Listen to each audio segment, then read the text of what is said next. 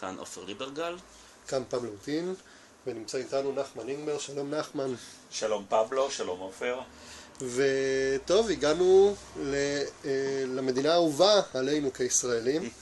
אה, אנחנו נדבר על אחד המאמרים האהובים עליי, אבאס קרוסטמי, או קרוסטמי, או קרוסטמי, אנחנו עוד לא החלטנו איך מבטאים את זה נכון. אה, איך הוא הגיע להיות אחד הבמאים האהובים עליך? ספר קצת. תראה, בעיניי, אני חושב שבדיון הקודם שלנו, אני לא זוכר על איזה סרט זה היה, טבעת את המושג של הכוח מתחום המוזיקה, קולנוע עולם.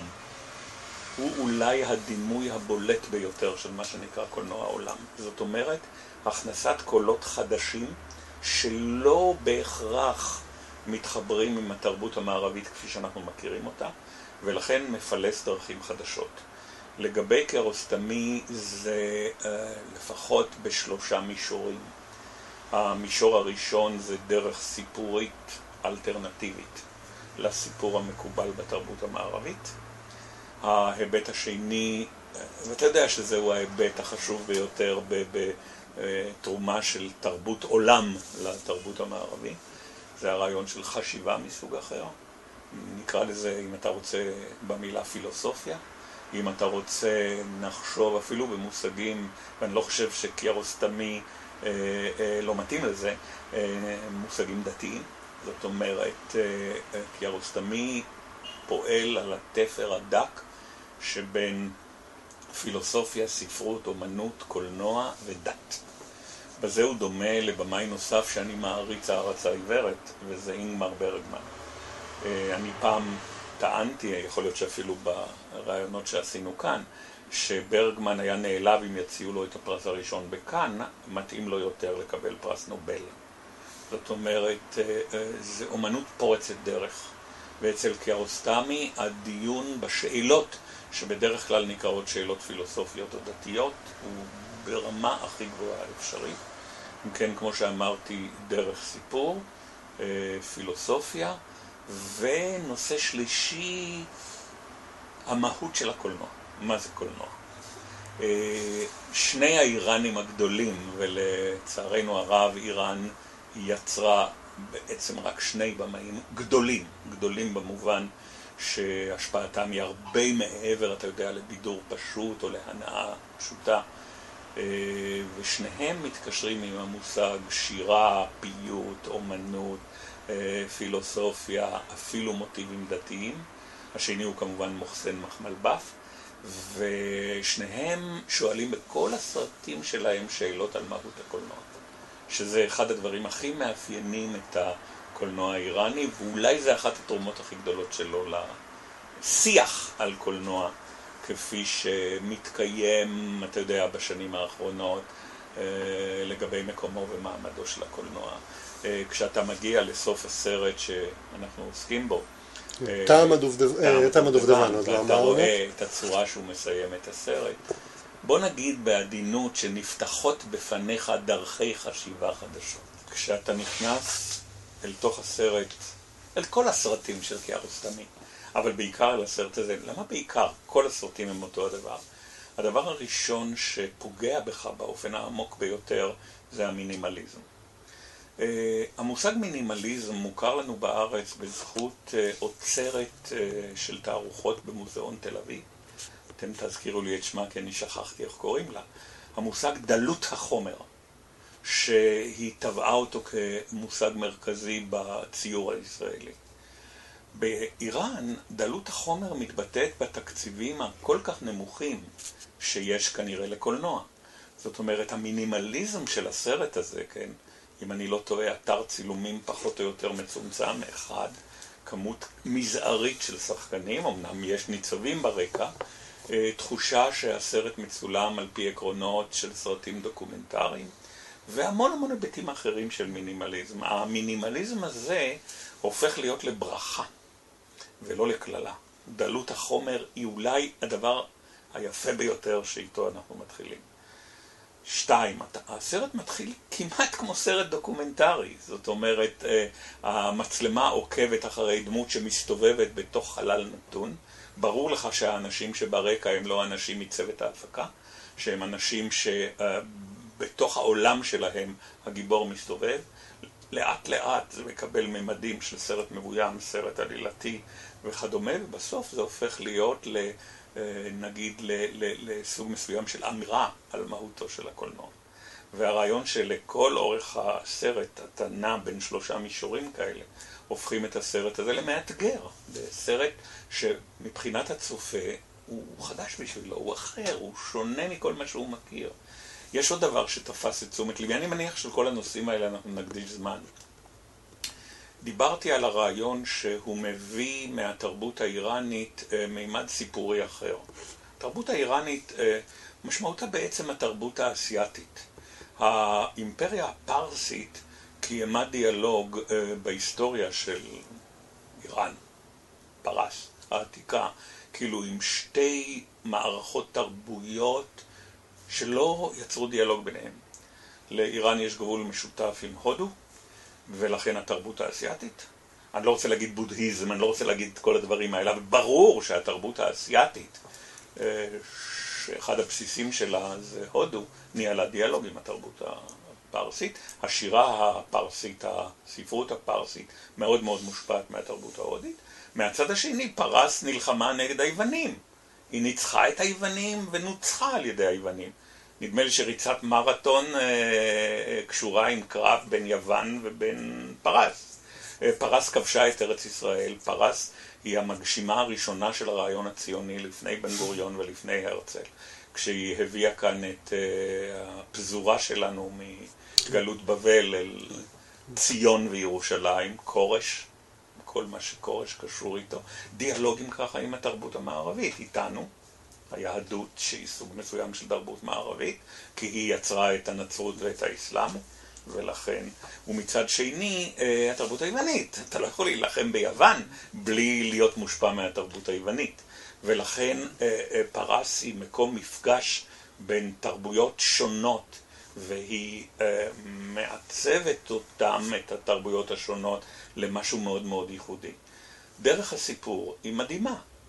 אה, אנחנו רגילים לסיפור שמתחיל באלף ונגמר בתף. אני בדרך כלל מדגים את המושג סיפוריות כחץ. זה חץ שהולך לכיוון מסוים. זה מתחיל בילדותו של הגיבור ונגמר, עובר לנעוריו בגרותו ונגמר במותו. הכיוון הוא חד סטרי, זה הולך קדימה, זה שועט קדימה. הקרב מתחיל, הקרב נגמר. כאן זה סיפור באופן שונה לחלוטין. כל הזמן אנחנו חוזרים על אותו הדבר. רעיון ראשון, רעיון שני, רעיון שלישי, אותו הדבר. כלומר, אנחנו כל הזמן עוסקים בסוג מסוים של מעגליות. יש קטע שקנה אותי בסרט הזה מבחינת uh, הטכניקה הסיפורית שלו. כאשר הם מגיעים לצומת דרכים, והוא יושב עם המרואיין השלישי. יפה שאתה קורא להם מרואיינים, זה כן. רציתי לדבר על זה. זה יופי של... תשמע, אה, האיש הזה הוא גאון, יש לו חשיבה קולנועית באמת לא רגילה. אה, שהוא אה, עובד במוזיאון, סוג של עובד במוזיאון כן. הטבע. ומגיעים לצומת דרכים, ואז הוא אומר, האיש הזה, מוזיאון הטבע, אומר, יש את הדרך הקצרה והפשוטה, ויש את הדרך הארוכה והיפה, שניהם מגיעים לאותו המקום. זאת אומרת, אתה יכול לקחת את הדרך הראשונה, אתה יכול לקחת את הדרך, תמיד תגיע לאותו מקום. כל הראיונות האלה, כל הפגישות האלה, תקרא להם, תקרא, מגיעים, מגיעים תמיד לאותו הדבר. זאת אומרת, אנחנו, הסרט הזה הוא מעגלי. הוא לא רץ קדימה, אלא הוא פועל כל הזמן. אני רוצה להציע אפילו לא מעגל, אלא זיגזג. זיגזג. כי זה מוטיב גם ויזואלי אצל קרוסטמי. שחוזר תמיד לשני הכתבים שלו. כן, כן, זה, בקירוסלמי יש לנו הרבה פעמים את הדימוי הזה של ההר, נכון, עם הדרך הזיגזג, נכון. לא משנה אם אתה יורד או אתה עולה להר, נכון, אתה עולה בזיגזג, נכון, ובסוף אתה מגיע נכון, לנקודה. תראה, אבל... אבל הנקודות בסרט הן מאוד מאוד מודגשות. אתה לא יודע מאיפה בא הגיבור של הסרט, הוא בא משום מקום, אבל הוא יצא מאיזשהו מקום עם המכונית שלו, והוא מגיע לאזור הזה. והנקודה השנייה היא הבור. נעשה ספוילרים? לא נעשה ספוילרים. כן, כן. הוא גם מסביר את זה בעצמו די מהר בסרט. כן. הבור שבו הוא רוצה אה, למות או להיקבר, או תקרא לזה איך שתקרא.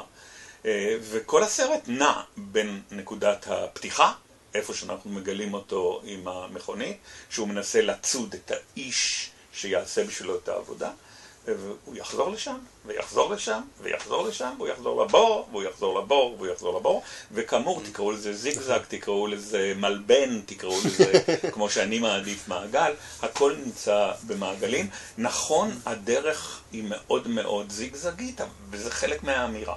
זה ללא ספק חלק מהאמירה. ואני uh, חושב שהמעגליות הזאת של הסיפור, זה משהו שהתרבות המערבית צריכה להקל. זה לא מתאים לה. Uh, הרעיון שגודר דיבר על כך, כן, שהקולנוע, האומנות המערבית היא התחלה, אמצע וסוף, לא בהכרח באותו הסדר, אבל התחלה, אמצע וסוף. אצל קיארוסטמי אני לא יכול למצוא את זה, וחוזר חלילה. הרעיון שזה תמיד יחזור חלילה. ואני חושב שמהבחינה הזאת יש לנו קולנוע מסוג אחר לחלוטין.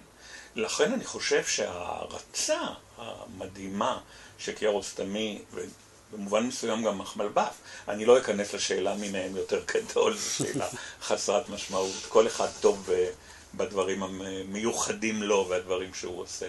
אה, נובעת גם מהרעיון שקיארוסטמי מציע אלטרנטיבות. לחזור לנקודה שדיברת על השתי שבילים שמתפצלים, אגב, ביטוי בשיר אמריקאי, מכל הדברים בעולם, אבל לא יודע אם זה הקשר, הוא לא רק אומר, אני אפתח לקחת את הדרך הקצרה או הארוכה, הוא אומר לו, שהוא מעדיף. בן שיחו, תיסע בדרך הארוכה, לפני כאן, והגיבור אומר, אני לא מכיר את הדרך הזאת, הוא אומר, אני מכיר אותה. נכון. והוא מקבל ממנו את הדרך הארוכה. נראה לי שהוא אומר לו יותר ארוכה ומפותלת, אבל יפה יותר. יפה יותר. The road untaken שאתה יכול לקרוא את זה לא רק במישור הריאליסטי, אלא גם במישור הסימבולי, כלומר, איך חיים את חיינו.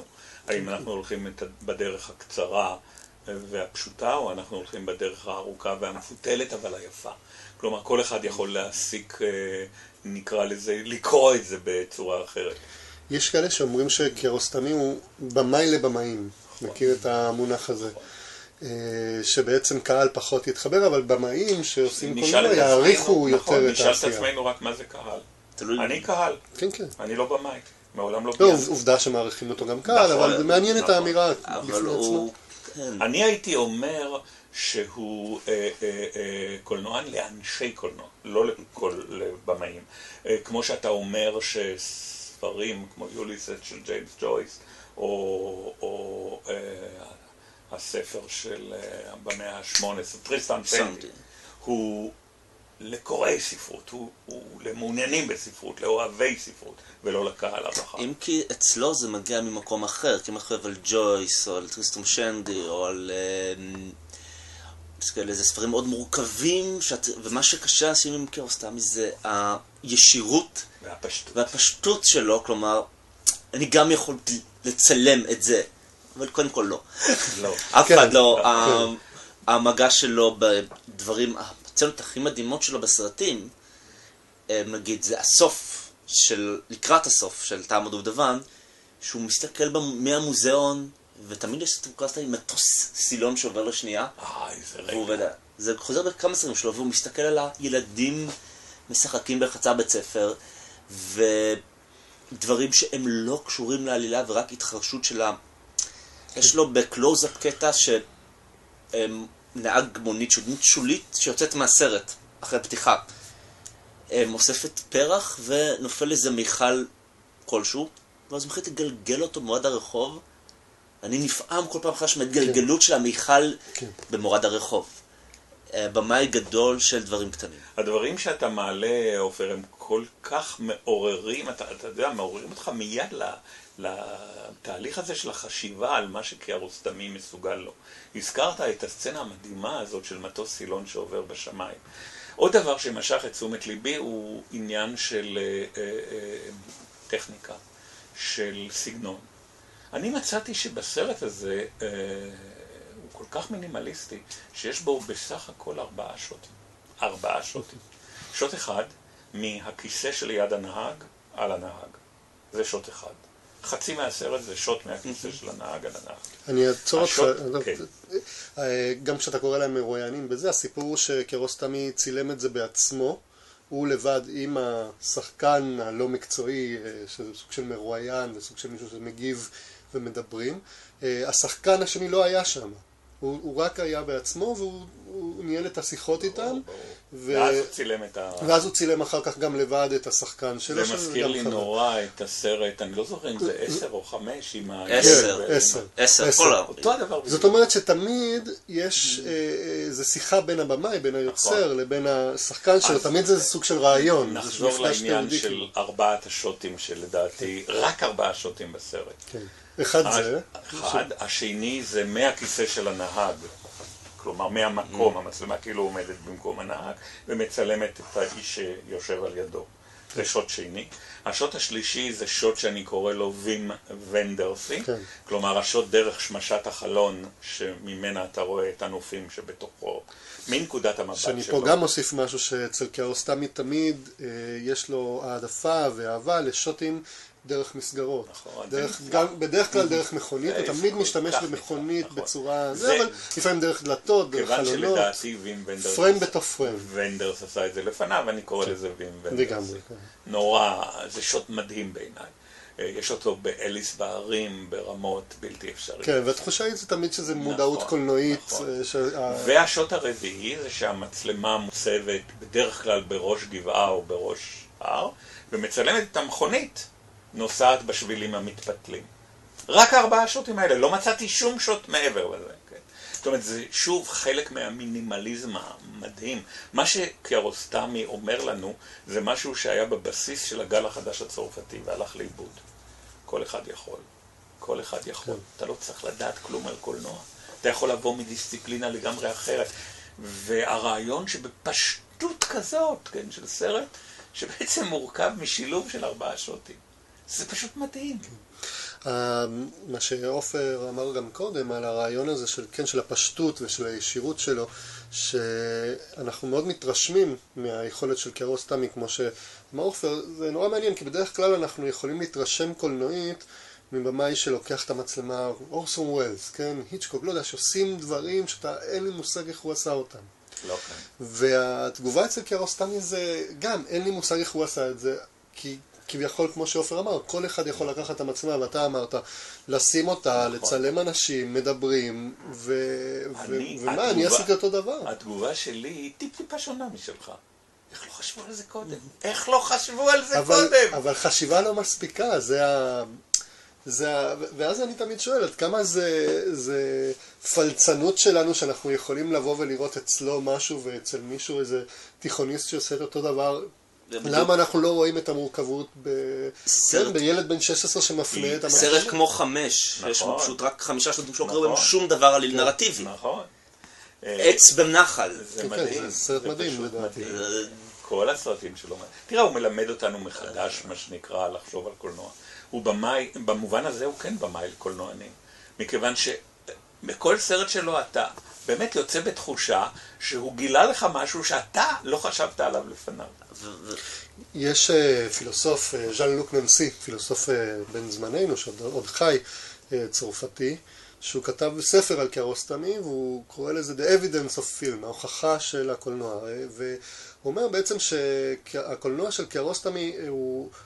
עוסק במהות הקולנוע, כמו שדיברנו פה, ושבעצם מה שהוא עושה זה להוכיח את קיומו, להתעקש על קיומו של הקולנוע עדיין, בסוג של התחדשות ובכל זאת אה, חזרה על דברים שהם כבר ידועים.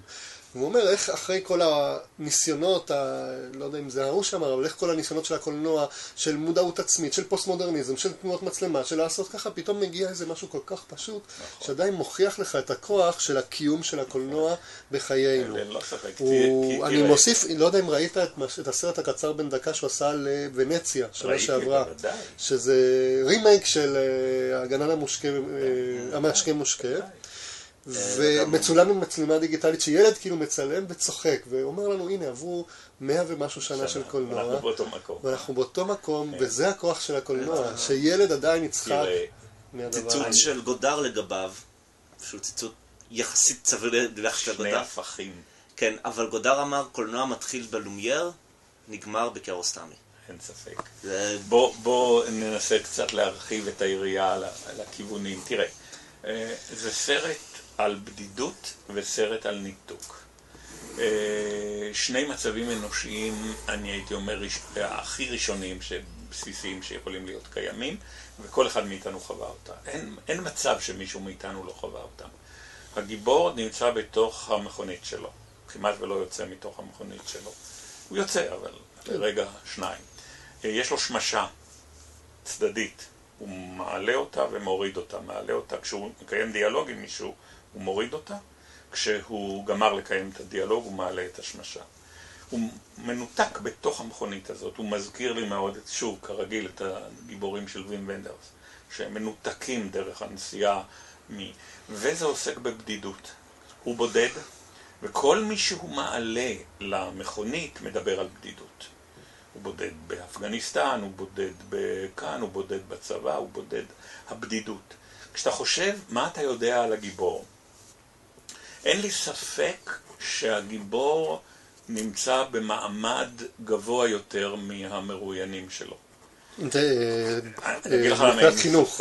מה? מבחינת חינוך וכלכלית. כן, משום שיש לו מכונית אה, די יקרה, לא, אתה יודע, גרוטאה. ויש לו 200 אלף תומן בבגז. ויש לו גם, בסוף רואים שהסרט חורג מבט השוטים בדקות האחרונות, יש לו דירה שנראית יקרה ו... שרואים אותה רק מבחוץ, אבל זה... ושוב, השאלה אם אתה השתכנעת שזה הדירה שלו, שזה חלק מה... התחושה שהוא בא ממקום מעליהם. כן, כן, זה ברור. כן, הוא בא... המושג 200 אלף תומן לא אומר לי כלום. מה אני יודע מה זה תומן? אבל האיש הראשון שמרואיין, שאוסף פלסטיק, מרוויח 200, 300, 700 תומן ליום. לפי זה אתה מבין מה זה 200 אלף תומן, לעומת ה-700. לחייל הוא אומר לו, יש לך תרוויח משכורת של חצי שנה. נכון. ונדמה לי שהוא מדבר על משכורת חודשית בצבא של 2,000 תומן, אם אני לא טועה. כן. כלומר, אתה מבין שזה המון המון כסף. אתה מבין לפי הטקסט שלו שהוא איש משכיל, שהוא איש אה, לפחות גמר תיכון, יש לו ריהוט דיבור, כן, הוא... וגם המפגש הזה בין שתי קצוות, אה, נקרא להם חברתיים כלכליים, אין לי ספק שלפי הלבוש שלו אתה מגדיר אותו כעירוני, בעוד שהדמויות האחרות הן מאוד לא עירוניות. זה מפגש של קצוות, והוא בא מתוך הבדידות שלו, ומגלה בדידות אחרת, ובא ואומר לאנשים, צאו מהבדידות שלכם, דרך מעשה טוב שתעשו, תעזרו לי. תעזרו לי למות. מעשה טוב, אני לא יכול לחיות, יש לי בעיה עם הקיום. ותעזרו לי. מה אתה יודע על האיש הזה? כלום. חוץ מהעובדה שהוא בא ממעמד גבוה יותר ושיש לו 200 אלף אה, תומן. ושהזמן הכי טוב שהיה לו זה היה בצבא. נכון, שהזמן הכי טוב. 1, 2, 3, 4. זהו, זה לא... שעם זה אגב מסתיים הסרט, כן. עם ה-1, 2, 3, כן, 4. עם ה... אה, נשוי, יש לו ילדים, במה הוא עובד. אה, האם הוא חי בטהרן או במקום אחר? למה הוא רוצה למות? מה הטרגדיה שקרה לו? האם בכלל? כלום. הניתוק ממנו הוא ניתוק טוטאלי. הקשר האנושי היחיד שנוצר זה כאשר הוא מעלה את שלושת המרואיינים למכונית שלו, הם יושבים על ידו ומדברים. וברגע שהם מדברים, כל אחד יכול לצאת לכאורה מהבדידות שלו דרך הדיבור, דרך העלאת הבעיות, דרך הדיונים התיאולוגיים והמוסריים והפילוסופיים שהם מנהלים. זה שוב סרט שנוגע לך בנימים הכי פנימיות אה, שכל אחד מאיתנו מכיר. הבדידות האנושית הבסיסית הזאת, הניתוק, חוסר הקשר עם אנשים אחרים. והרעיון שאתה משתמש באנשים כמכשירים. זה נפלא. כדי אה, שיעזרו לך לבצע, נקרא לזה, את המשימה שלך, נקרא לזה החלום שלך, ודרך הרעיון שאתם משתפים פעולה, נוצר קשר אנושי. פשוט נפלא. אחד הדברים שבעיניי הם הכי יפים בסרט זה המקום שבו הוא בחר אה, אה, לצלם את הסרט. אני לא מומחה בגיאוגרפיה של איראן, אבל אני מניח שזה באחד הפרברים המרוחקים של טהרן. זאת אומרת, משהו כמו מרחק של 50-100 קילומטר מטהרן. זה מקום שבו כבר יש פעילות אדירה של בנייה ושל תעשייה מודרנית. בנייה מודרנית. תעשייה מודרנית. אתה כל הזמן רואה את הפיגומים, אתה כל הזמן רואה את הפעילויות התעשיות, אנשים מתפרנסים מדברים ששייכים למאה ה-20 או למאה. אי אפשר להגיד המאה ה-21 כי זה סרט של, של המאה ה-20. ואתה מרגיש את הפער הזה בין המודרנה ובין הרעיון שיש ציפורים כל הזמן. ויש קולות של אה, אה, חרקים כל הזמן, ויש תחושה של טבע. זאת אומרת, המובן של ההתנגשות של התרבות המודרנית עם הטבע, וההיבט השני, שחלקים מהסרט ירוקים, מאוד ירוקים, אתה מרגיש עשב, אתה מרגיש ירקות, אתה מרגיש פרחים. פרחים אתה מרגיש בלי סוף, אתה הזכרת את הפרח שמוביל לגלגול המיכל בסרט כן. קלוזה. פרחים, הרי הסרט מסתיים בקבוצת החיילים ש- שמריחה, מחזיקה, נהנית מפרחים. אז יש פרחים, מצד שני זה מדבר, וזה נקרא מדבר, והרעיון שמהמדבר מגיעות התשובות. ובואו נדבר לשנייה אחת על מדבר ועל המשמעות של המדבר. הרעיון של אה, מהות דתית מאוד עמוקה, וזה תמיד מתקשר עם המדבר. הצבע הדומיננטית של הסרט הוא צהוב, הוא כתום, הוא חום, הוא הצבע של המדבר, של רגבי אדמה מדבריים לחלוטין. אם כן, אני חוזר, יש קונפליקט בין המדבר ובין הירוק. ולכן אתה מרגיש שהסרט ספוג כל, לכל אורכו משמעות דתית. ואחד משלושת ה... שלוש הפגישות, אני מתעקש לקרוא להם... מרואיינים, הם כן. חייבים, כן, כן. אה, אה, השני במספר הוא איש דת, הוא לומד לימודי דת. בכלל, כשאתה מסתכל על שלושת המרואיינים זה מדהים. גם הסרט נפתח בציטוט, לא תמיד תרגמו אותו לעברית בכל התקים, של בזרת אללה הרחום והחנון. אה, בוא אני אעצור אותך ואני אומר שזה פתיח לכל הסרטים שנעשו באיראן. לא, כי ראיתי אחרים שאין להם את זה. כולם, מאז הרפובליקה האסלאמית. הם אוקיי. דורשים את זה. זה חלק מה... חלק מה- אם אתה לא ראית את זה, זה- אז... זה אומר אה, שמישהו הוריד את זה מישהו במערב. הוריד את זה, כן. אבל אה, אה, אני רוצה לחזור לשלושת האנשים האלה. שים לב, זה החברה הפרסית במלוא מורכבותה. הראשון מוצג ככורדי, השני מוצג כאפגני, אפגני. השלישי מצטט, אני לא טורקי, הצלחתי טורקי. להבין בדיוק, לא הצלחתי להבין אם זה בטורקית או בפרסית, אני לא בקיא בהבדלים בין השפות, אבל הוא מצטט שיר בטורקית, או לפחות שיר טורקי.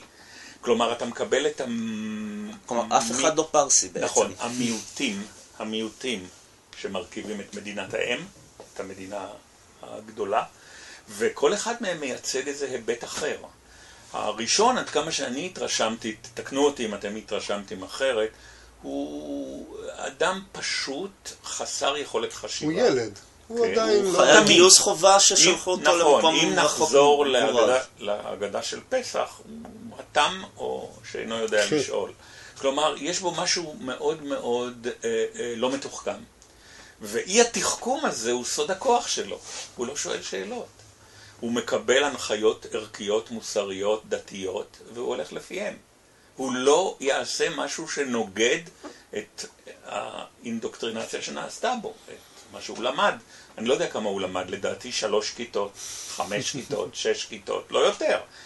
הוא גם כורדי, וכורדי זה מיעוט מדוכא, כמעט בכל טורקיה, עיראק ואיראן.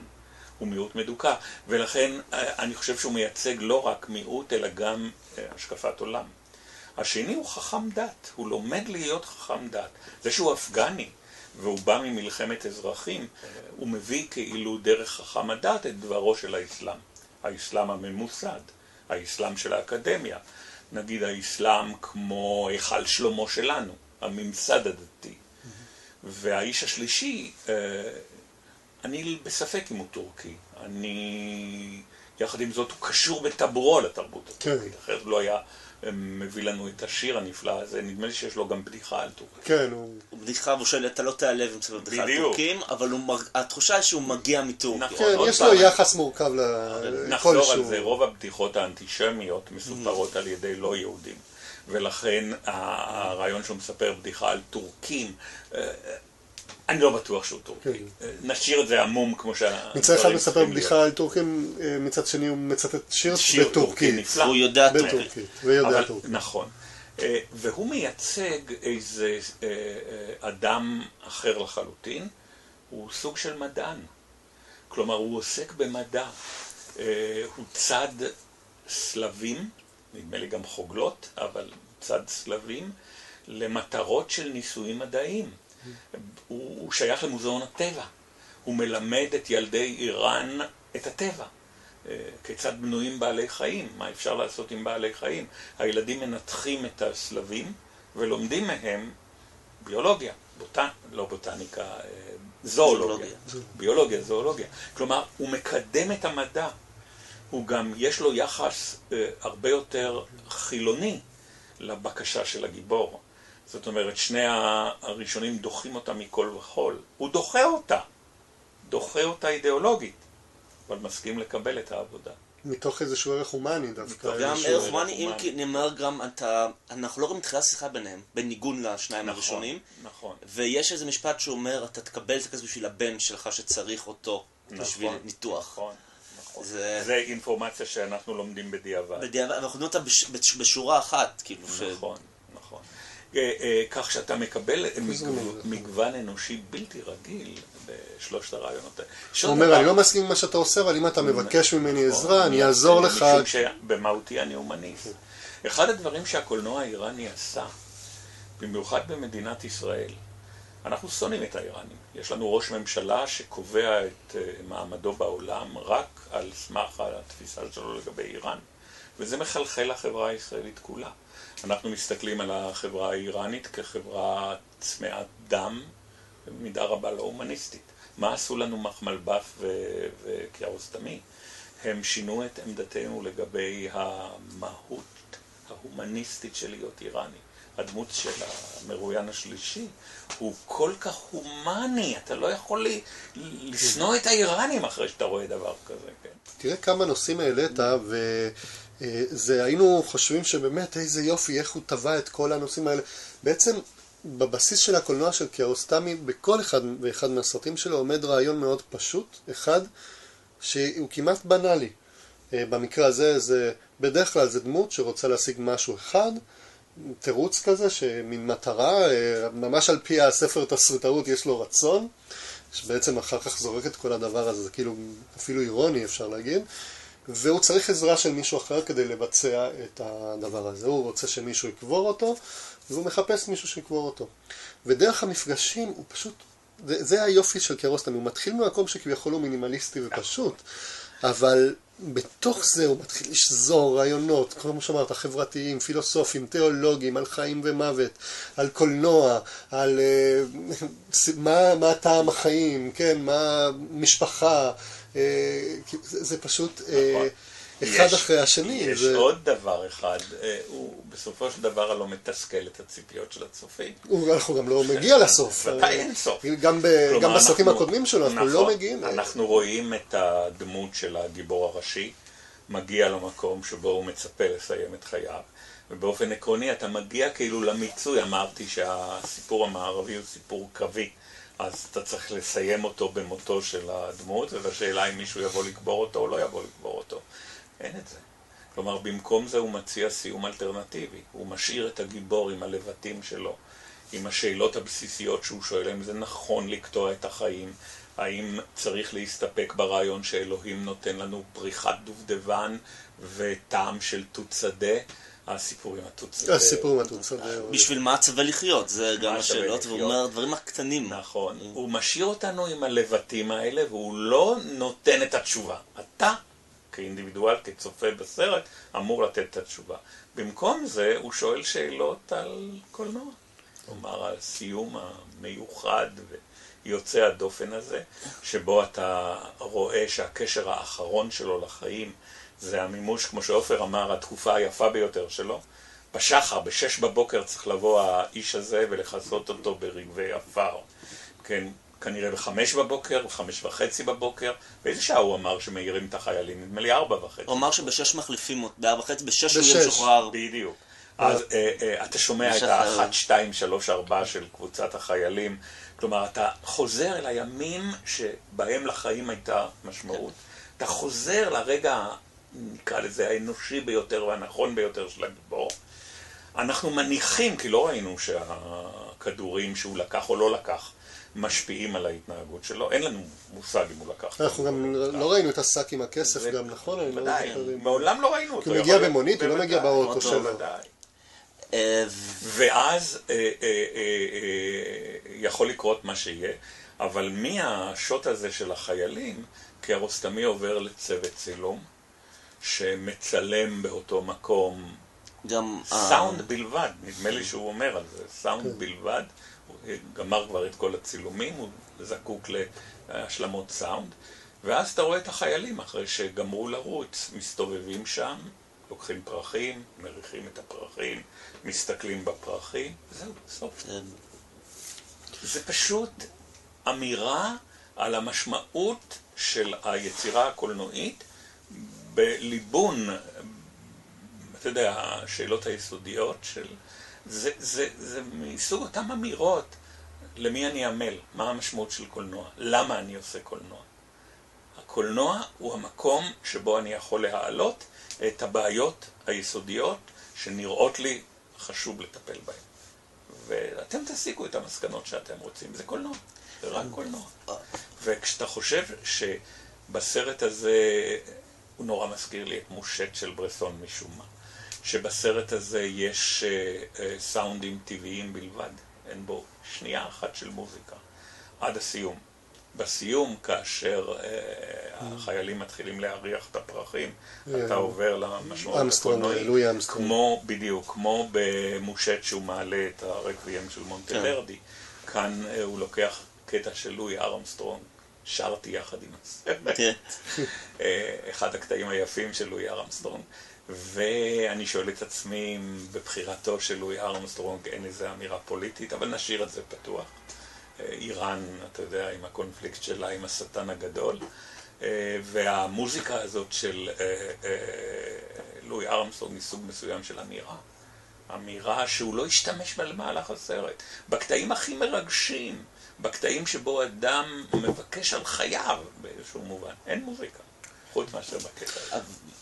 אמ, לגבי העניין של החשיפה של עצמו, הוא עושה את זה בכמה סרטים שלו.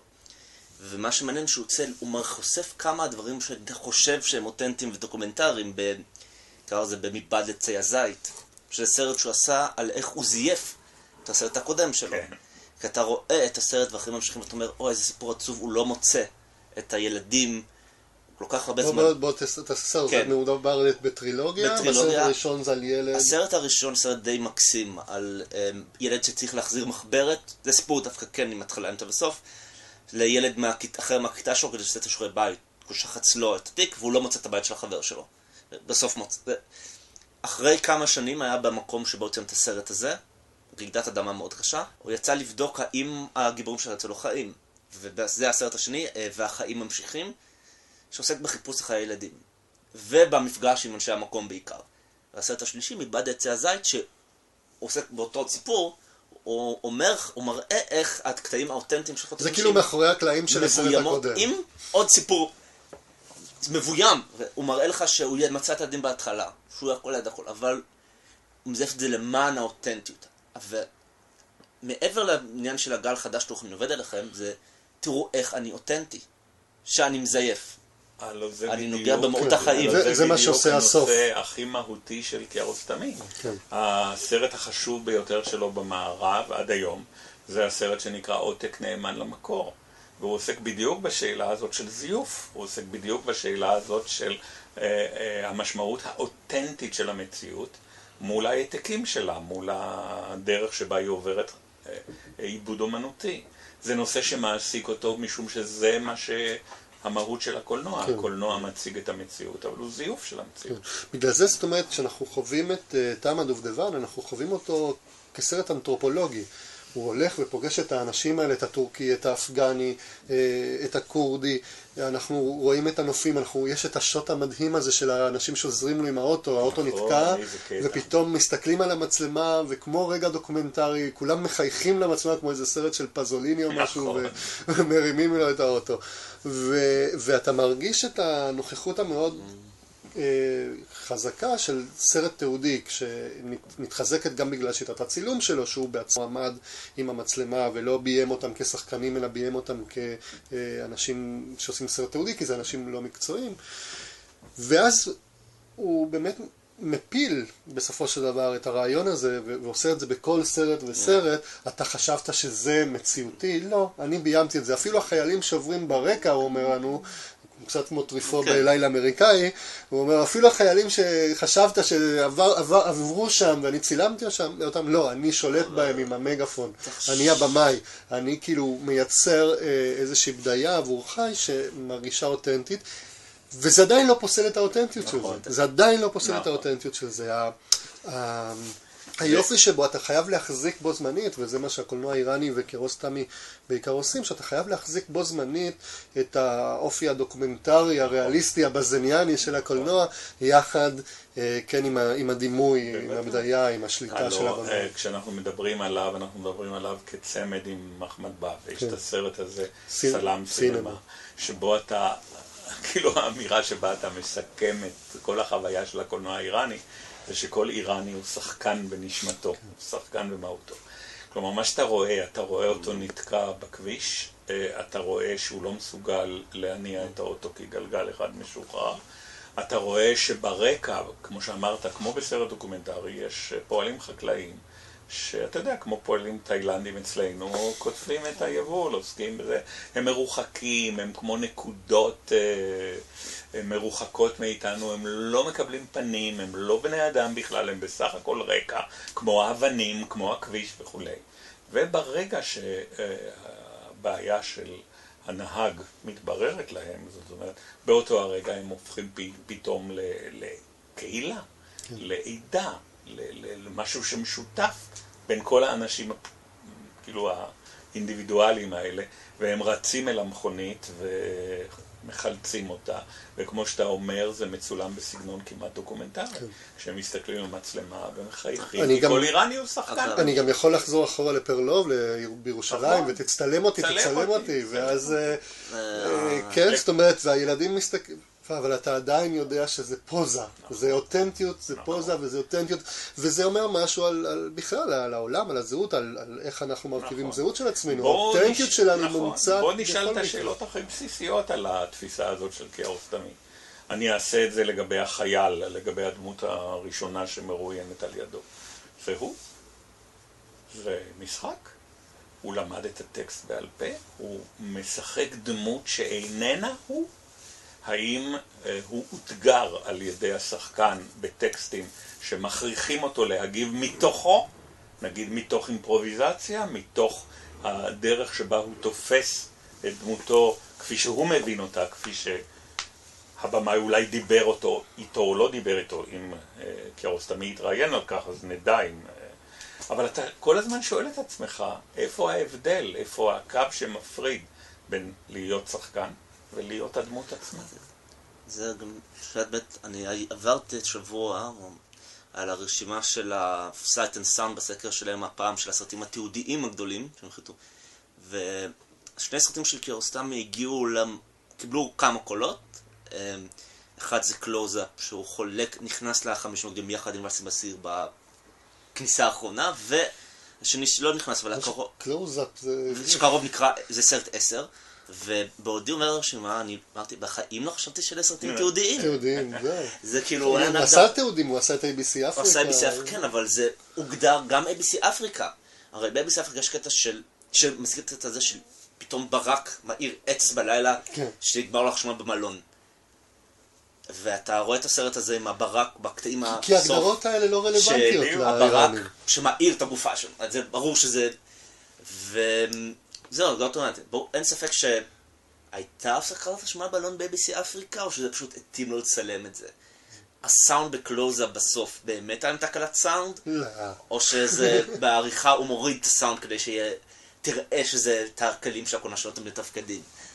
אמ, והתחושה היא א', שזה, הוא ביים את זה, ולא זה לא משנה, כי זה דוקומנטרי נכון. של, הנ... של הדברים שהוא רוצה נכון. להביע, כמו כל סרט. גם ברגמן. הוא במאי דוקומנטרי, הוא מתאר. בדיאלוגים את המחשבות שלו, את הכאבים שלו. שוב, אה, ההגדרות הן תמיד בעיני המתבונן, אה, ולכן אין, אין משמעות אמיתית לשאלה אם זה מבוים או לא מבוים. והיום אנחנו הרי חושבים שקולנוע דוקומנטרי הוא לא פחות מבוים מקולנוע לא דוקומנטרי. ועם זאת אנחנו עדיין חייבים את, ה, את ההפרדות האלה. אני, אני, אני זקוק להם בעצמי. כן, כשאני עכשיו רואה את. הסרטי האקדמיה, אני רוצה שבקטגוריית סרטים הבדיוניים יהיו סרטים שהם בדיוניים. כן. אם ישחקו עם השפה הדוקומנטרית, שישחקו איתה. כן. ויש סרטים שבבירור הם נראים לי תיעודיים יותר, ואני רוצה שהם יהיו תיעודיים, גם אם הם מכניסים אלמנטים בדיוניים לתוכם. וזה מעניין, כי מבחינתי, כמו שאתה אמרת, לא חשבת אה, לרגע שעשר אה, או קלוזאפ זה סרט דוקומנטרי. כן, באותה מידה אתה קורא לסלאם סינמה סרט אה, עלילתי. כן. לא, עוד שקטעים עצומים הם קטעים שלא, נראה לך שלא בוימו. נראה לך שהם מייצגים מציאות שהבמאי לא שלט בה באופן מלא. אה, הבלבול הזה הוא חלק מהאמירה של הקולנוע. דרך אגב, אחד הדברים היפים, אני חושב, בקולנוע האיראני, אני מאוד אוהב, כמו שאמרנו כבר כמה פעמים, קולנוע קוריאני. אני אוהב את הגל החדש הצרפתי, אני אוהב קולנוע... ותמיד בדרך כלל, תמיד בדרך כלל, זו אמירה מעולה, אה, כשיש אה, גל חדש, זה בא עם גל חדש גם של שחקנים חדשים, של פנים חדשות נכון. שמביאים והם נותנים ביטוי ל... ל... כן, הליאור אשכנזי. כן? כולל בישראל. כן, כן, ליאור אשכנזי. מהיום שגילה אלמגור מכריזה אין לי יותר עבודה, כן. דור חדש של שחקנים. זהו, ו... והקולנוע האיראני אין לו. אין, אין שחקן שאתה מזהה אותו ואתה רואה אותו בסרט סרט. כאילו, ו... יש, אבל זה לא הקולנרן שאנחנו לא מכירים. הקולנוע. אה, אוקיי, ברור, לא, ב- לא בגל ה... ה- אוכל, אני חושב שפרידה כן. כן כמה שחקנים שבאיראן אולי מכירים אותם. היום, כן. היום יותר, אבל אני מדבר על, על, כן, על לנו. הקולנוע של קירוסטמי ו- כן. ומחמל באף ואפילו אה, ג'אפר פנאהי. אה, זאת אומרת, הם, אה, אני לא רואה שחקנים חוזרים, אני לא רואה את... אה, ליאור אשכנזי ששיחק גם אצל סידר וגם אצל אה, איתן פוקס, אה, ו- כן. כן, זאת אומרת, הוא... זה... לא, במובן הזה ודאי שלא. יכול להיות שיש להם את אפילו, אני חושב, הסרט הגדול של מחבף בעיניי, רגע של תמימות, נכון. שמדבר, בתחילת הדרך כל אחד שמגיע אליו הבית רוצה לספר לו סיפור, כדי שתלהק אותו לסרט, כי הם יודעים שהוא מלהק את האנשים האמיתיים. כן. אה, וזה לא קרב לגדולה של הסרט, ה- שהוא גם חשבון נפש שהבמאים האלה עושים עם עצמם, וגם בכך הולך כל העניין של... כן, לכן אמרתי לך שכאילו פוליטיקה. הנוסח הוא שכל איראני הוא שחקן כן. בנשמתו. וכל, כל אדם. ובמובן הזה, כל סרט איראני, נכון. גם שובדיה, הוא תיעוד של נכון, העם כל אדם האיראני. הוא גיבור של הסיפור שלו. וזה אחד המתנות היפות שנותנים, כי, כי עשו את זה הנאוריאליזם, כמובן שעשו את זה כבר בנאוריאליזם, אבל. אבל באיראן זה, זה, זה כבר אחרת, זה כבר איזושהי איזו התעסקות ישירה של מה זה אומר, נראה לי שהנאוריאליזם לא שאל שאלות על מה זה אומר שאני לוקח פועל, פשוט לקחו בשביל איזשהו אפקט ריאליסטי. אה, ופה יש איזשהו, כן איזה שאלות של מה זה אומר שאני לוקח ילד, מה, תשמע, מה... עם כל הכבוד לתחושה שהסרט הזה נותן, אין לי צל של ספק שהגיבור הראשי הוא שחקן מקצועי. לי לא, לא, הוא... אין אה, ספק. אבל הוא אדריכל חבר של אה, קיארוסטמי. כן. והוא כנראה הופיע בלהקת חובבים או משהו כזה, כי היכולת שלו להעביר מונולוגים היא נורא נורא חזקה, ואני חושב שגם האיש שמנתח סלבים, האיש של מוזיאון הטבע, לא, לא להערכתי. הוא שחקן מקצועי, יכול היה להופיע במקום השחקן הטורקי בסרט של ניסים דיין, גשר צר מאוד, כן, איך קוראים לו? אה, אנג'ל קורטיז, משהו כזה. כן. יש לו את אותה איכות של שחקן עממי, מה שבארץ אה, זאב רווח יודע לעשות. כלומר, אני חושד שזה לא ממש אה, דמויות שמספרות את הסיפור שלהם. לא, אני לא חושב שהם מספרות את הסיפור, אבל אה, אני כן רוצה להאמין שהם הביאו דברים משל עצמם, כמו ששחקן. יכול להביא, רוצה להאמין. וגם שהוא פחות נתן להם טקסט, אני... זה הכל אמונה, יכול להיות שעכשיו זה דבילי כי הוא כתב להם הכל, למרות שטוענים שהוא בכלל לא כותב תסריטים. כותב החצי. אבל- איך אתה רואה את הסצנה שהוא מצטט את השיר הטורקי ומספר את הבדיחה על הטורקי? כן, יכול להיות לא, שאומר לו, לא אתה- עכשיו צריך. לשכנע אותי לא נכון. להתאבד. תספר או לי. האמביוולנטיות של הסיטואציות האלה, זה מה שקונה את ליבי. כן. שאתה לא יודע. יש גם כאילו... שזה מרגיש יותר. נכון. אה, זה כאילו, היופי, זה ה- אני חושב שזה- שנראה לי זה אבדטיב קשיש או מישהו, מאוד- שהתסריט כתוב, אבל השחקנים לא יודעים אותו. נכון. הוא לא אומרים, נכון. הוא פשוט אומר להם בצנה מה תדברי, יש לו תסריט גם דיאלוג אם היא לא הולכת טוב, אבל תדברו ו... כן, והוא אומר להם מה להגיד כן. והם חוזרים על זה. או אומר- להם להגיד, או אומר להם מה לא להגיד, איך להתנהג, והם ידברו את זה יותר טוב, או אחרת. ככה גם ריגדס עובד. כן. זה- אה, שני דברים לקראת סיום, על קירוסטמי, הדבר הראשון הוא הנושא של המוות, כן. שהוא גם נוכח, דיברנו על התאבדות אה, בהקשר של אה, טקשי קיטאנו, ודיברנו הרבה על האופן שבו, ו- ו- ופה הנה עוד סרט שעוסק בהתאבדות, עוד סרט שכביכול לפחות עוסק בשאלה של אה, האם מוות אה, יכול לתת, לשים משמעות. סוף למשהו, לתת משמעות. משמעות למשהו, איך אנחנו דרך המוות מבינים תראה, את החיים. כשדיברנו על קיטאנו, אתה העלית, ובצדק, את איקירו של קורסאווה. ואיקירו של קורסאווה הוא בעיניי דימוי לדילמה הזאת שמעסיקה את כל היוצרים בעולם. אה, אומרים לגיבור של איקירו, נותרו לך שישה חודשים לחיות. לנו, לי ולך, לא אומרים את זה. אבל גם אתה וגם אני יודעים שברגע מסוים נמות. השאלה אם אנחנו פסיביים לגבי מותנו או אקטיביים לגבי מותנו. כי המושג התאבדות משמעותו אחת ויחידה, להיות אקטיבי לגבי בחירת המוות. לעומת המצב שבו אתה פסיבי ומחכה שמלאך המוות יבוא לקחת אותך מתי שהוא רוצה. והשאלה הזאת של משמעות הקיום בצל המוות. היא זו שמעניינת גם את קיטאנו וגם את uh, קורסאווה. נגיד שזה קיים לא פחות אצל אינגמר ברגמן, אני חושב שהחותם השביעי נכנס בדיוק לקטגוריה הזאת. ואותו הדבר אה, אני חושב שגם אצל קיארוסטמי. מה שהם אומרים לו כל הזמן זה את התשובה הדתית המקובלת, גם ביהדות, לא רק באסלאם. אה, אלוהים קובע את יום מותנו. מכתוב, כן? הוא קובע את יום מותנו. והגיבור אומר, לא, אני רוצה להיות אקטיבי לגבי יום מותי. אני רוצה אה, אה, לקבוע את המשמעות של החיים שלי ברגע שבו אני מחליט למות. הוא אומר משהו מאוד אה, קשה, עצוב כזה, הוא אומר, לא טוב לי בחיים, וכשלמישהו לא טוב, הוא פוגע באנשים נכון, אחרים. הדבר הכי טוב שאני. יכול לעשות לעולם, זה למות. נכון. ו- נכון. אפילו מתוך איזשהו אקט של נדיבות ורחמים כלפי האחר. הנושא של uh, החלטה למות עולה על סדר היום של החברה הישראלית בשנים האחרונות בצורה מאוד מאוד קיצונית, בעיקר בתוכניות הטלוויזיה, כשמדובר באנשים שמחליטים, אתה יודע, לנסוע לשוויץ, לדיגניטס ולסיים את חייהם. מה הנימוק שכולם נותנים? אותו נימוק שאתה העלית כרגע. כן. אני לא רוצה ליפול כנטל על בני משפחתי. אני לא רוצה להכריח את בני משפחתי לסבול. ולכן אני פוטר אותם מהצורך הזה. זה גם אמירה, זה סוג מסוים של אמירה. המשמעות של הקיום זה להביא טוב לחיים, כמו האיכרים האלה שרצים אל המכונית ומחלצים אותה. ואם אני מרגיש שאני עושה רק רע לאלה שנמצאים לידי, ושים לב שהנימוק הזה משכנע את המרואיין השלישי. המרואיין השלישי שהוא יותר דמות מודרנית משני הקודמים, בגלל שהוא עוסק בדבר שקשור עם מדע, מוזיאון הטבע, ובגלל העובדה שהוא יודע לצטט שירה מודרנית, כן, וכך הלאה וכך הלאה. הוא מקבל את אבל הוא האדם בעצם, החילוני הוא בעצם המודרני. אומר לו את מה שבנס במילאנו אומר לו, הגיבור אומר לה, טוטו קראו לו, לא זוכר. טוטו. כן.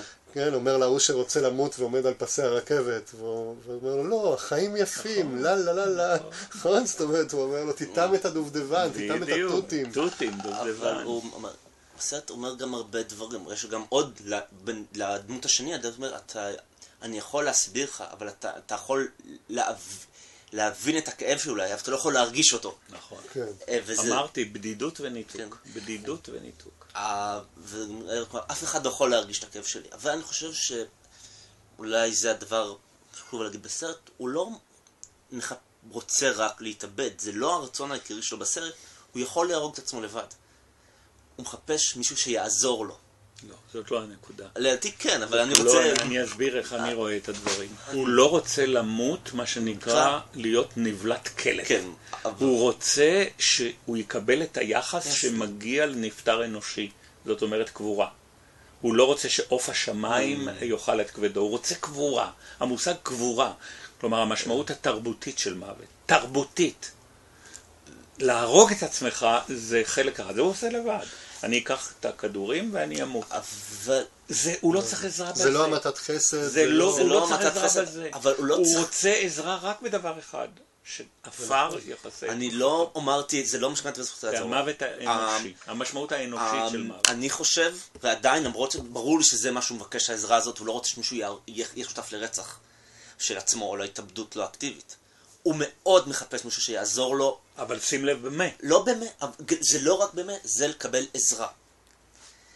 אמ, הוא גם יכול היה אולי לשתף. למות לשתף. במותו, לשתף מישהו בכאב שלו. נכון. אנחנו מדברים על צ'כוב בהקשר הזה וחנוך לוין בעיבודים הישראלים שהוא עשה לזה. ה- לקבל את העזרה, גם בלשתף את המוות, גם שזה מישהו זר לו, אבל שגם מוכן לעזור לו מטוב ליבו. אורי היה יכול למות בבית. נכון. הם, הוא, והוא לא רק שהוא מבקש עזרה, הוא מקבל עוד משהו אנושי, הוא גם אחרי שהוא נפרד מהבן אדם השלישי, המדען, הוא פתאום מזדרז לפגוש אותו כדי להגיד לו, תבדוק טוב טוב שאני מת. כאילו, בן אדם ממש רוצה מאוד, אבל תזרוק אבנים. תהיה ממש משוכנע שאני לא חייב שניים, יותר. שני אבנים, והוא אומר אני אזרוק אוקיי. שלוש. כן. שניים לא מספיק. זה, הוא, כאילו, הוא רוצה אותו, אבל לא, הוא זה- משאיר לעצמו את האופק. אבל זה זה רגע- הווידוא הריגה, זה בדיוק, לא... ה- זה רגע של אה, היסוס, זאת אומרת, אני לא בטוח עדיין שאני אבצע את מה שאני או רוצה שאני לבצע. אני לא רוצה להיקבר חי, כן, אבל הנ- למות בשלווה. הנקודה היא שהוא דורש כאילו מהחברה האנושית שהקבורה שלו תהיה קבורה אנושית. זאת אומרת שהוא יכוסה ברגבי עפר. הוא גם רוצה טק, הוא קובע את הטקס של עצמו, נכון. והוא מקבל... כן, את המקום ליד עץ, נכון. וזה, בהר. עץ, בור. אמ, עניין המוות זה גם, זה הנושא השני, מחבר אותי, ל- בשנות התשעים היה דיבור אה, רב על מות הקולנוע. כבר דיברנו על זה קצת, כן? כמו שעופר גם אמר שמתחיל עם האחים לומייר ונגמר עם קיארוסטמי. ובאמת ה, אה, זה נקודה גם יפה לסיים את כל הסקירה שלנו על הסרטים האהובים וזה, כי באמת הסרט הזה שעוסק גם במוות ועוסק בשאלת האם הקולנוע גם מת, האם הבמאי מת, אה, כן? זאת אומרת, קיארוסטמי גם עוסק הרבה בשאלה האם הבמאי קיים עדיין, אני, מה, מה התפקיד שלי כבמאי, זה מה שהוא עושה ב... ודאי. בעשר, שהוא נותן את המצלמה, שם אותה, ו- ושהשחקנית תרוץ לבד, והוא הוא לא קיים כבמאי. בעשר הוא לא היה באוטו איתם, הוא- בניגוד כן, ל... נכון, הוא מנסה למחוק את עצמו כל פעם, לצמצם יותר ויותר את התפקיד שלו כבמאי, כביכול, כדי לראות איך הסרט נעשה כביכול בפני עצמו, והאם הקולנוע יכול להמשיך להתקיים אה, אחרי אה, הקולנוע הווידאו והקולנוע הדיגיטלי, זאת אומרת זה כל הפחדים שעלו בסוף שנות התשעים עם אה, כן, מאה שנה לקולנוע, מעבר לטכנולוגיות וידאו ודיגיטליות, סוף הפילם וכל ה, אה, כן, החרדות האלה שהעלו שהן היו מקבילות לחרדות של החלפת המילניום, היום אנחנו רואים שהקולנוע בצורה זו או אחרת ממשיך וכמו שאמרתי קיארוסטמי מנסה גם להוכיח את, את זה שלא משנה אי אפשר להרוג את הקולנוע כמה שתרצה, אה, שזו אמירה מאוד... אולי אה, הקולנוע כמו האישה ב... לאן שתישאנו הרוח, שמחכים שתמות, מחכים שתמות, מחכים שתמות, מחכים שתמות, בשביל זה הם באו, כדי לצלם את המוות שלה, אבל... כן, זה סוג של הקולנוע שמצלם את המוות של... מתעד את כן. המוות של עצמו בלי שהוא מסוגל למות סופית. כן. תראה, הדרך היחידה להשתלט על המוות, המוות של הקולנוע, זה לעשות רוויזיה. זה לעשות טרנספורמציה, זה לשנות את מהותו של הקולנוע. אם אנחנו ניצור קולנוע שהגדרתו שונה מהקולנוע שקיים, ייתכן שבצורה כזאת הוא ינצח את המוות. זה עומד מאחורי החשיבה של כאוס תמי לפי דעתי. ואם אתה כבר מדבר על נושא המוות, שוב נחשוב לשנייה אחת על המשמעות הכי עמוקה של המוות כאן. יש כאן שלושה מרואיינים. הראשון אה, עובד, החייל עובד בעבודות מזדמנות כי אלפיים תומן שהוא מקבל מהצבא לא מספיק לו. הוא אומר לו, אני אפטור אותך מעבודה. האיש השני הוא חכם דת, שבחופש צריך לעבוד בעבודות מזדמנות, עבודות בניין נדמה לי, הוא אומר, כל מיני כן. עבודות כאלה. הוא אומר, קח את הכסף ולא תצטרך לעבוד, אתה תוכל. לממן את הלימודים שלך לשנה הבאה. אבל מי שמקבל את העבודה זה האיש השלישי. והאיש השלישי, הנימוק הוא אחר לגמרי. יש לך ילד מת. גוסס, חולה. אני אחיה את הילד המת שלך. קח את ה-200 אלף, תהרוג אותי, כלומר, כסה את קברי בעפר, ואת הכסף תקדיש בשביל החיים. מה שמנצח בסופו של דבר זה החיים. אני גם חושב שהסצנה, שבעיניי נורא סימבולית, כן, של החיילים בסוף הסרט, המצלמה מצלמת את החיילים אחרי שהם עשו 1, 2, 3, 4, היא נורא סימבולית, כן, הרעיון שהם מתעסקים עם פרחים, ולא עם עם יריות, כן. יריות, כן. זאת אומרת, הרעיון שהכוח בסופו של דבר הוא כוח החיים. עופר שמזכיר את הדוגמה של האישה שלא מתה. זאת אומרת, הכוח של החיים. כוח של החיים. אה, בסופו של דבר אנחנו מבקשים מקולנוע, אני מתנצל על, ה, על הקטגוריזציה הנוראה הזאת של העולם השלישי, שייתן לנו כאילו אמירה או חשיבה אלטרנטיבית בבעיות שלנו בתרבות המערבית, כן. אין תשובה. זה, אמרת בתחילת הסרט, השיחה על העניין הזה של זה, אני רוצה לקרוא לזה קולנוע לא מערבי, או קולנוע עולם, לא אירוצנטרי. כן, כן, קולנוע לא באירופה, ארצות הברית נקרא לו, כי גם הקולנוע הלטינו-אמריקני נכנס לזה. ו... תחשוב, הלטינו-אמריקאים המציאו את קרלוס קסטנלה, את כן. התשובות הלא מערביות. זהו, ובעצם השאלה של הקולנוע הזה היא לא אה, איך אנחנו מתעסקים בו כחלק מהמערב נקרא לזה, איך אנחנו התחלנו פתאום להתעסק יותר עם קולנוע אסיאתי וקולנוע לטינו-אמריקני ואולי אפריקני. אה, יותר בתקופה האחרונה, אלא איך, זה לא שאנחנו שינינו את נקודת המבט שלנו, זה לא שאנחנו עכשיו אה, מערב התמזג עם העולם ואנחנו בעולם גלובלי ואין אה, מערכות כוח אה, ואנחנו כולנו שווים, אלא להפך, אנחנו עדיין, פשוט, יש איזה שהן תשובות שלא קיבלנו מהתרבות נכון. שלנו שאנחנו מחפשים בעולם נכון. מחוץ ל, ל, לחינוך ולתרבות שאנחנו נכון. יצרנו. ו... ואנחנו עדיין מסתכלים עליהם בעיניים המערביות, שאנחנו עדיין מלמדים uh, תולדות הקולנוע, אנחנו עדיין, גם אם אנחנו נכניס יפנים ונכניס מה שנרצה, אנחנו עדיין מכניסים את זה לתרבות שלנו. כן. תראה, אה, אה, הפסטיבל הכי חתרני, אם תרצה, של קולנוע בארץ הוא הפסטיבל שנקרא קולנוע דרום, בספיר. ספיר בארץ פירושו פריפריה. המקום הכי דפוק במדינה. שכולם עוזבים עכשיו. שכולם עוזבים עכשיו. אה, הדרום הוא לכאורה אלטרנטיבה. זה לא מקרי שבישראל אנחנו קוראים לאמריקה הלטינית דרום אמריקה. כן. דרום. ובדיוק יצא לי אתמול לעבור על יד חנות ספרים משומשים, ומסתבר שהמושג הזה דרום קיים בתרבות הצרפתית כבר שנים. יש להם, נדמה לי, במונפליה או מקום כזה, פסטיבל דרום. Mm. ומכניסים את כל התרבויות של הדרום. אז בדקתי. קניתי כמובן את הספר. יש הקולנוע הפלסטיני, יש הקולנוע האיראני, יש הקולנוע האסייתי, הקולנוע האפריקאי והקולנוע הדרום אמריקאי. אלה הם כאילו האלטרנטיבות היום לקולנוע הממוסד המערבי. ושים לב, זה בדיוק מה שאנחנו עושים בסדרת המפגשים. אסייתי, איראני, פלסטיני אולי בנגלה הבאה, וכך הלאה וכך הלאה. יופי, אז אנחנו נמשיך אה, באזור אה, אסיה ויותר מזרחה, והאמת שהיה לי מרתק על קרוסטני. כן, וגם לי.